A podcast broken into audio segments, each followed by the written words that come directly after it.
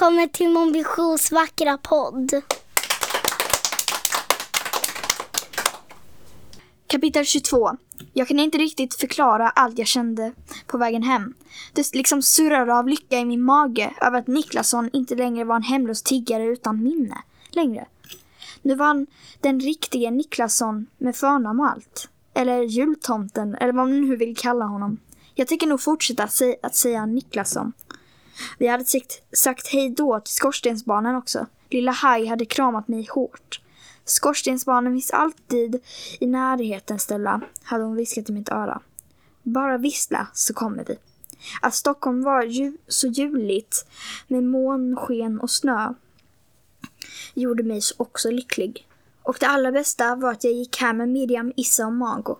Medan vi pulsade genom snön i Gamla stans gränder låtsades jag att det var min mamma och mina syskon. Jag visste såklart att det inte var min familj på riktigt. Men man kan ju låtsas en stund. Det finns gröt kvar, sa William när vi svängde runt hörnet till gatan där antikaffären låg. Om ni kilar upp och värmer den, om ni värmer den så... Hon tystnade tvärt och blev stående i snön.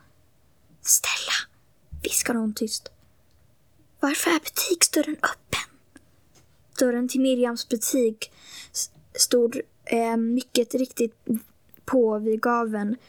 Men jag kunde inte riktigt komma på ett enda bra skäl till varför den gjorde det. Hade Buske, Huske, Buske, Hyske och Fnöske gett sig av och lämnat dörren öppen? Nej, pysslingarna stod precis innanför dörren. De hade tagit på sig den långa rocken och ställt sig på varandras axlar. Precis som när jag såg dem för första gången. Vilken evig lycka att, ni, att det var ni, sa Buske och sänkte stekpannan som han höll i. Vi trodde att det var den där kar, karen igen. Vilken kar? Hyske kilade fram mellan rockens knappar. L lång, långskänken som letar efter barnhemsbarn. Vi bad honom, honom att fara och flyga. Jag kände Issas grepp hårdna om min hand och Mago gav mig en skrämd blick. Vi går upp i salongen så får ni, allt från, så får ni ta allt från början. Det måste ju vara något missförstånd. Men när pysslingarna hade berättat färdigt förstod vi all, allihop att det var sant. Det hade verkligen kommit en lång främling till antikaffären och hade pratat om barnhemsbarn. Han visste namnen era, sa Buske. Stella sa han och Issa och han tystad, tystnade skrämt när ett litet pinglande hördes från nedervåningen. Alla andra stelnade också till. Som en kall vind hade svept in i Miriams hus och frusit oss till is. Pinglandet kom från butiksdörren.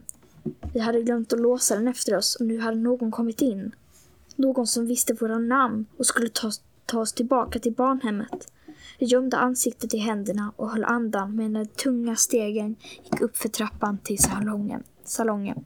När en mörk skugga fyllde dörröppningen kikade jag fram en affin. Det var en man i mörk vinterrock och mössa. Jag förstod direkt att det var samma man, samma man som hade frågat pysslingarna om oss.